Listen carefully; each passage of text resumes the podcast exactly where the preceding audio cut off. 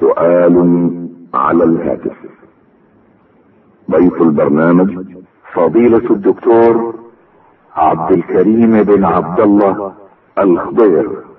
بسم الله الرحمن الرحيم. الحمد لله والصلاة والسلام على خير خلق الله. محمد بن عبد الله وعلى آله وصحبه ومن والاه. أما بعد السلام عليكم ورحمة الله وبركاته. وحياكم الله مستمعين الكرام إلى هذا البرنامج. سؤال على الهاتف.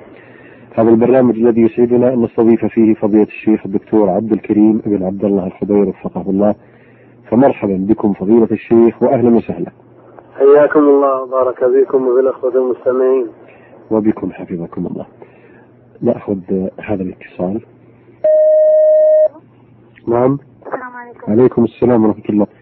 فضيلة الشيخ هذه سائلة تقول أنها تجلس أحيانا في بعض المجالس ويذكر فيها أخبار بعض الممثلين والممثلات. وأحيانا تقول أنها تنصح من معها وتذكرهم بالله وفي بعض الأحيان لا تستطيع فتتضايق في داخلها.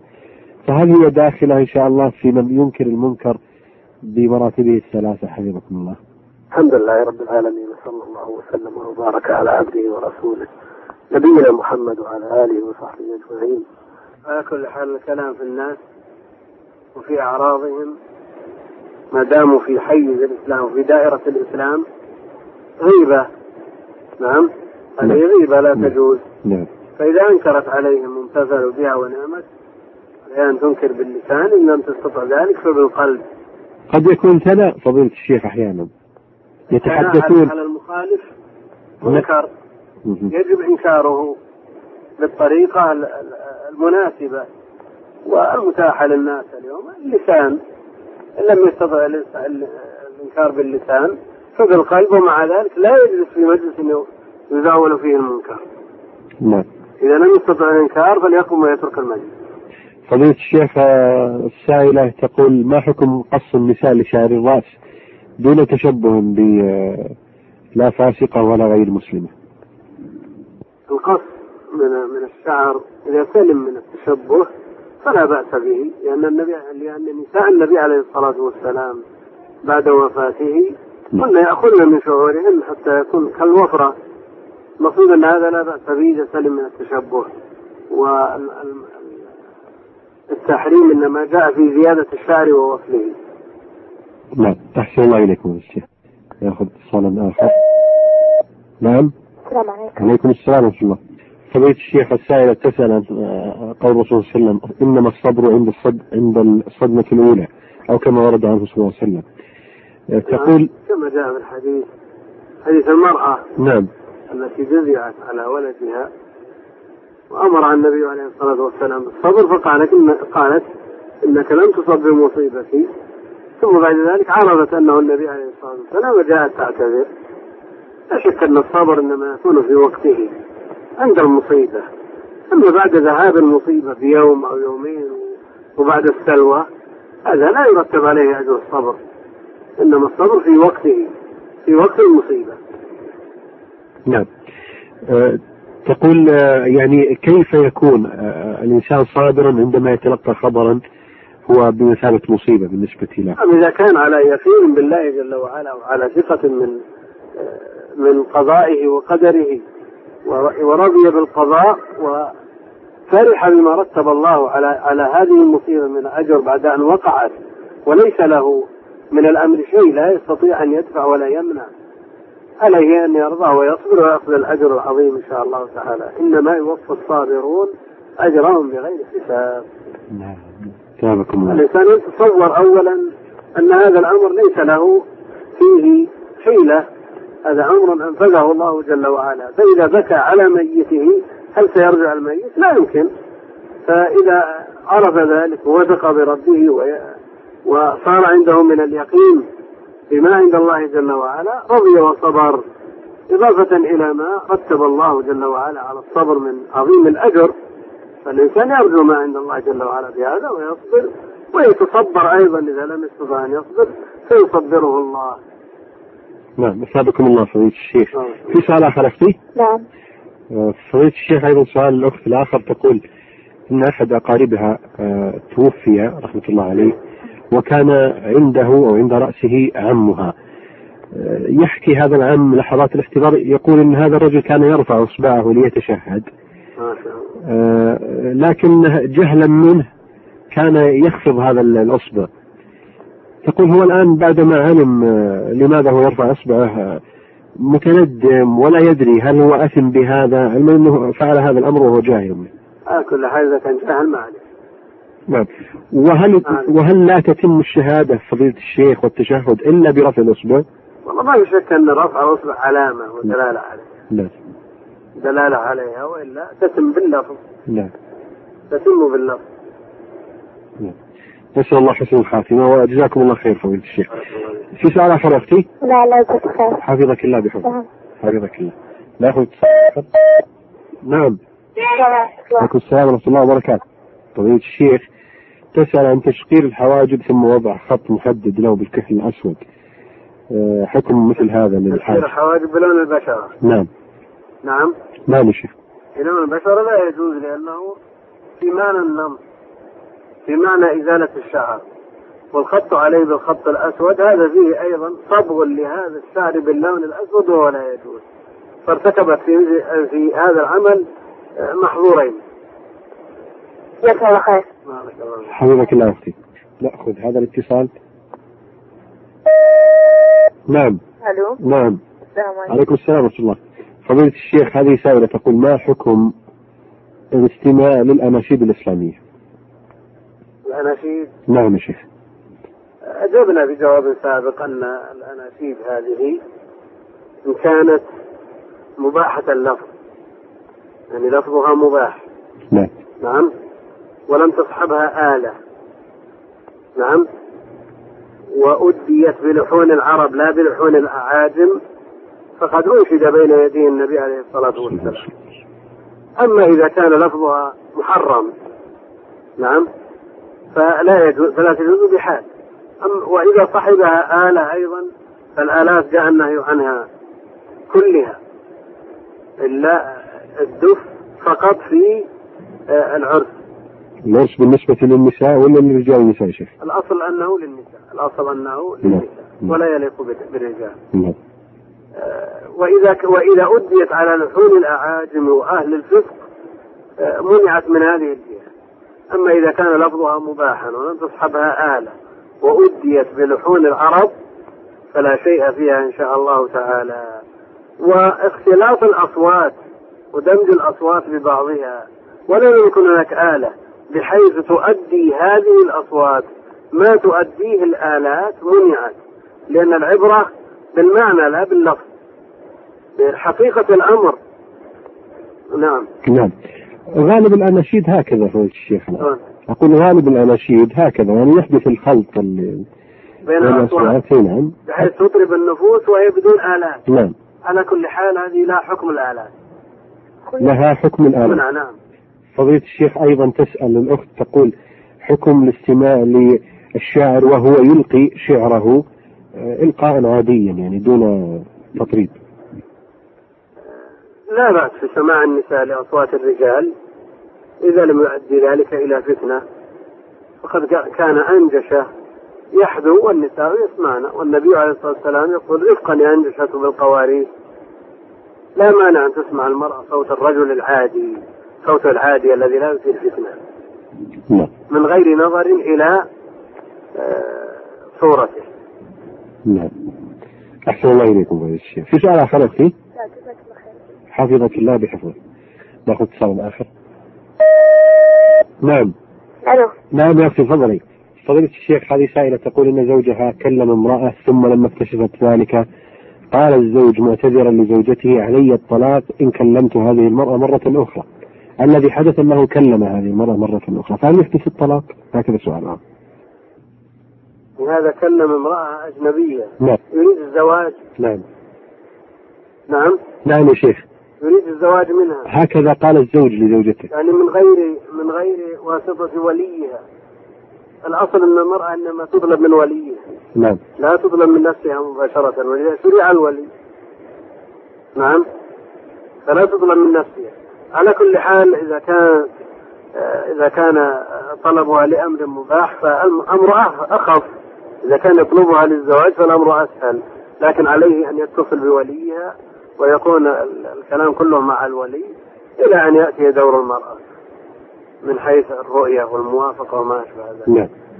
وإذا اطلعت عليه زوجته الأولى وخاف منها وقال إن كلمها مرة أخرى فعليه الطلاق إن كان يقصد بذلك الطلاق وكلمها مرة أخرى وحصل ما علق عليه الطلاق يقع الطلاق. نعم. فإن كان يقصد فقط يعني تأنيب نفسه وتعهد هل لها يتصور أنه يقصد بذلك الحث والمنع؟ الله أعلم. أو يقصد بذلك إرضاء زوجته بهذا الأمر الذي تساهل فيه الناس وهو أمر آه، خطير. تلاعب بحدود الله تلاعب بأحكام الله تلاعب بشرع الله. فمثل هذا إذا كلمها مرة ثانية المتجه أنه يقع. يقع الطلاق. نعم. لكن هو قال عليه الطلاق ثلاثا فهل يقع ثلاثا أم واحدة؟ لا واحدة واحدة. نعم. نعم. السلام عليكم. عليكم السلام ورحمة الله. سؤال على الهاتف تفضل يا أخي الكريم سؤالك. تفضل يا أخي. تفضل الشيخ يسمعك الآن. السلام عليكم. وعليكم السلام ورحمة الله وبركاته. كيف حالك يا شيخ؟ خير الله يبارك فيك. يا شيخ ما حكم ال- اللي, اللي عندك الحرمة حامل تبحث عليها؟ تشوف هل الجنين آه، ولد أم بنت؟ والله الأصل أنه لا يعلم ما في الأرحام إلا الله جل وعلا. لكن إذا تعدى مرحلة النفخ ونفخ به وطلع عليه الملك لا مانع من أن يطلع عليه أطباء ويعرفون هل هو ذكر أم أنثى وإذا رضوا وسلموا لأمر الله وانتظروا إلى خروجه فهو أفضل. الله يجزاك خير. حياك الله وأهلا وسهلا بك. ناخذ اتصال آخر نعم. السلام عليكم. عليكم السلام ورحمة الله. آه، سؤال على الهاتف تفضلي سؤالك يا أختي. فضيلة الشيخ آه، سائلة تقول إن واحدة أمنتها على سر فقالت لها الأخرى لك الله آه، وأمان الله أم لا أحد يدري عن هذا. تقول أخبرت فيما بعد بهذا السر فهل عليها شيء؟ هل نلزمها شيء؟ هي آثمة على كل حال لأنها أمانة عندها لا يجوز لها أن تخون هذه الأمانة. والبوح بالأسرار لا يجوز لكن ليس عليها شيء.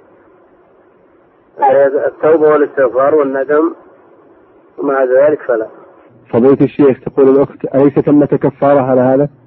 إذا كان بلفظ اليمين إذا كان بلفظ اليمين تكفر. إذا كان مجرد التزام من غير يمين غير مؤكد بيمين فلا كفارة لكن مثل هذا اللفظ لك الله وأمان الله ما يعتبر لا، ليس ليس ليس بحلف نعم. سلامكم الله فضيلة الشيخ. بارك الله فيك. ناخذ اتصال. نعم. ألو. نعم. فضيلة الشيخ هذه سائلة تقول إنها لما كانت صغيرة قبل البلوغ كانت تصلي لكنها لا تذكر التشهد الأول في صلاتها. بمعنى أنه هي في التشهد الأخير تبدأ في الصلاة على النبي صلى الله عليه وسلم. إذا كان ذلك قبل البلوغ فلا شيء عليها. نعم. خاطب المكلف الذي بلغت سن الحلم مثل هذا التشهد الأول واجب وذكره واجب ما يقال فيه من التحيات. نعم. والتشهد الأخير ركن. لا تصح الصلاة إلا به والصلاة على النبي عليه الصلاة والسلام عند جمع من أهل العلم في التشهد الأخير. ركن أيضا الذكر من. الذكر أم الجلوس فضيلة الشيخ؟ الركن هنا هل هو الذكر أم الجلوس أم هما معا؟ الجلوس آه، ركن. نعم. الجلوس التشهد الأخير ركن. وأما الأول فواجب يجبر بسجود السهو آه، إذا ترك سهوا. نعم. أما إذا ترك عمدا تبطل الصلاة. والتشهد الأخير ركن الجلوس له وذكره والصلاة على النبي عليه الصلاة والسلام صل. كلها أركان عند جمع من أهل العلم نعم لا بد من الإتيان بها نعم. في حال فضيلة الشيخ لو كان ترك آه، التحيات والإبقاء على الصلاة نعم. على النبي صلى الله عليه وسلم وهو كبير يعني ولكن ترك ذلك جهلا لفترة ما الجاهل معذور إذا إذا مضى عليه مدة وتكاثر عليه العمل وأصبح لا يحاط به ليست صلوات معينة محددة يمكن قضاؤها إذا كثر وكان عن جاهل يعفى عنه. نعم. أثابكم الله فضيلة الشيخ بخلاف الصلاة الحاضرة نعم. فلا يعفى مثل استدلالا بحديث المسيء مم. جاهل ومع ذلك أمره النبي عليه الصلاة والسلام بالإعادة. نعم. لكن إذا كثر ذلك وشق الإتيان به وصعب حصره فالمشقة تجلب التيسير عند أهل العلم. شكرا. حفظك الله بحفظه. نأخذ اتصالا آخر. نعم. ألو. نعم نعم. السلام عليكم. السلام ورحمة الله. فضيلة الشيخ هذه سائلة تقول أنها وجدت ذهبا آه، يوما ما وأخذته ثم وضعته مع ذهب لها فباعته. القيمة 400 ريال. تقول الآن هي متحرجة بعد ما عرفت الحكم. آه، ماذا تصنع؟ حفظكم الله وجهوها. هذا الموجود لقطه هذا الذي يتضح من سؤالها فضيلة الشيخ. يعني وجدته؟ نعم. ولم تعرفه باعته مباشره لا لم تذكر شيئا من هذا. نعم. نعم يا شيخ نعم. تضمنه لصاحبه. تضمنه لصاحبه ان وجدته وتحرص على أن تجده. نعم. وإلا فتتصدق بقيمته عن صاحبه. كي كيف تفعل يا شيخ حتى تظهر هذا الأمر وتعلنه لي؟ وتتبرك؟ حول مكان وجوده نعم. حول مكان وجوده تسأل. من باع له كذا مثلا نعم. أها. طيب. الله يجزاك خير. على ذلك. نعم.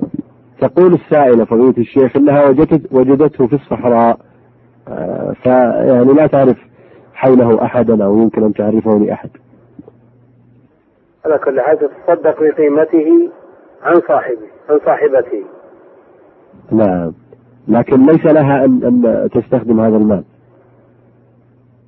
الأصل أنه لقطة فإن كان مما تلتفت إليه همة أوساط الناس نعم. يعرف سنة في أي مكان كان في مكان وجوده أها. وإلا يدفع إلى قسم الأمانات والأموال الضائعة في جهته من جهة الدولة كالمحكمة ونحوه. نعم. طيب إذا إذا تداخل مع مالها هي الآن تقول إنها باعته مع شيء مما آه، لها من الذهب. في مثل هذا. تحرص على تقديره. تقدره. تقدره وتحرص على تقديره المناسب وتتصدق ب وهذا أبرأ لها. يظهر لها ويغلب على ظنها أنها تبرأ ذمته به نعم. فادكم الله فضيلة الشيخ. تقول السائلة فضيلة الشيخ أنها تعرف يتامى من عائلتها من أقربائها فهل تدفع لهم قيمة هذا ال- المال صدقة عن صاحبه؟ إذا كان هؤلاء الأيتام ممن لا تلزمهم نفقتهم تنفع نعم. فضيلة الشيخ أيضا السائلة تقول إنها قبل خمس سنوات كانت عند والدها وكان أبوها لا يصرف عليها البتة وكان أحد إخوتها متوظف فكانت تأخذ من ماله دون أن يدري وتقضي حاجاتها. آه، الآن آه، الأخ مع زوجته وأربعة أبناء عند أبيها والأب يصرف عليهم. تقول هل أعيد الآن هذه الأموال التي أخذتها من أخي أم ماذا أفعل؟ أم يكفي صرف أبي على أخي باعتبار أنه عوض عن المصروفات التي أخذتها؟ لا بد من تقدير المبلغ المأخوذ من الأخ من غير علمه وإخباره بذلك إن كان لا يترتب عليه مفسدة فتخبره بهذا إن أباحها وحللها وعافى عنها وسمح لها فلا بأس وإن طالبها فلتدفع إليه المال. وإن كان إخباره يترتب عليه مفسدة من قطيعة ونحوها فتوصل المال إليه بأي وسيلة. طيب. أحسن الله إليكم. الوالد عليه وعلى أولاده جهة منفكة. لا نعم. يعفيها عما أخذت. بهذه الإجابة مستمعينا الكرام نصل إلى ختام هذه الحلقة. نتقدم في ختامها بالشكر الجزيل لفضيلة الشيخ الدكتور عبد الكريم بن عبد الله الخضير الذي أجاب على استفساراتكم الهاتفية مستمعينا الكرام نلقاكم بإذن الله تعالى وأنتم بخير والسلام عليكم ورحمة الله وبركاته.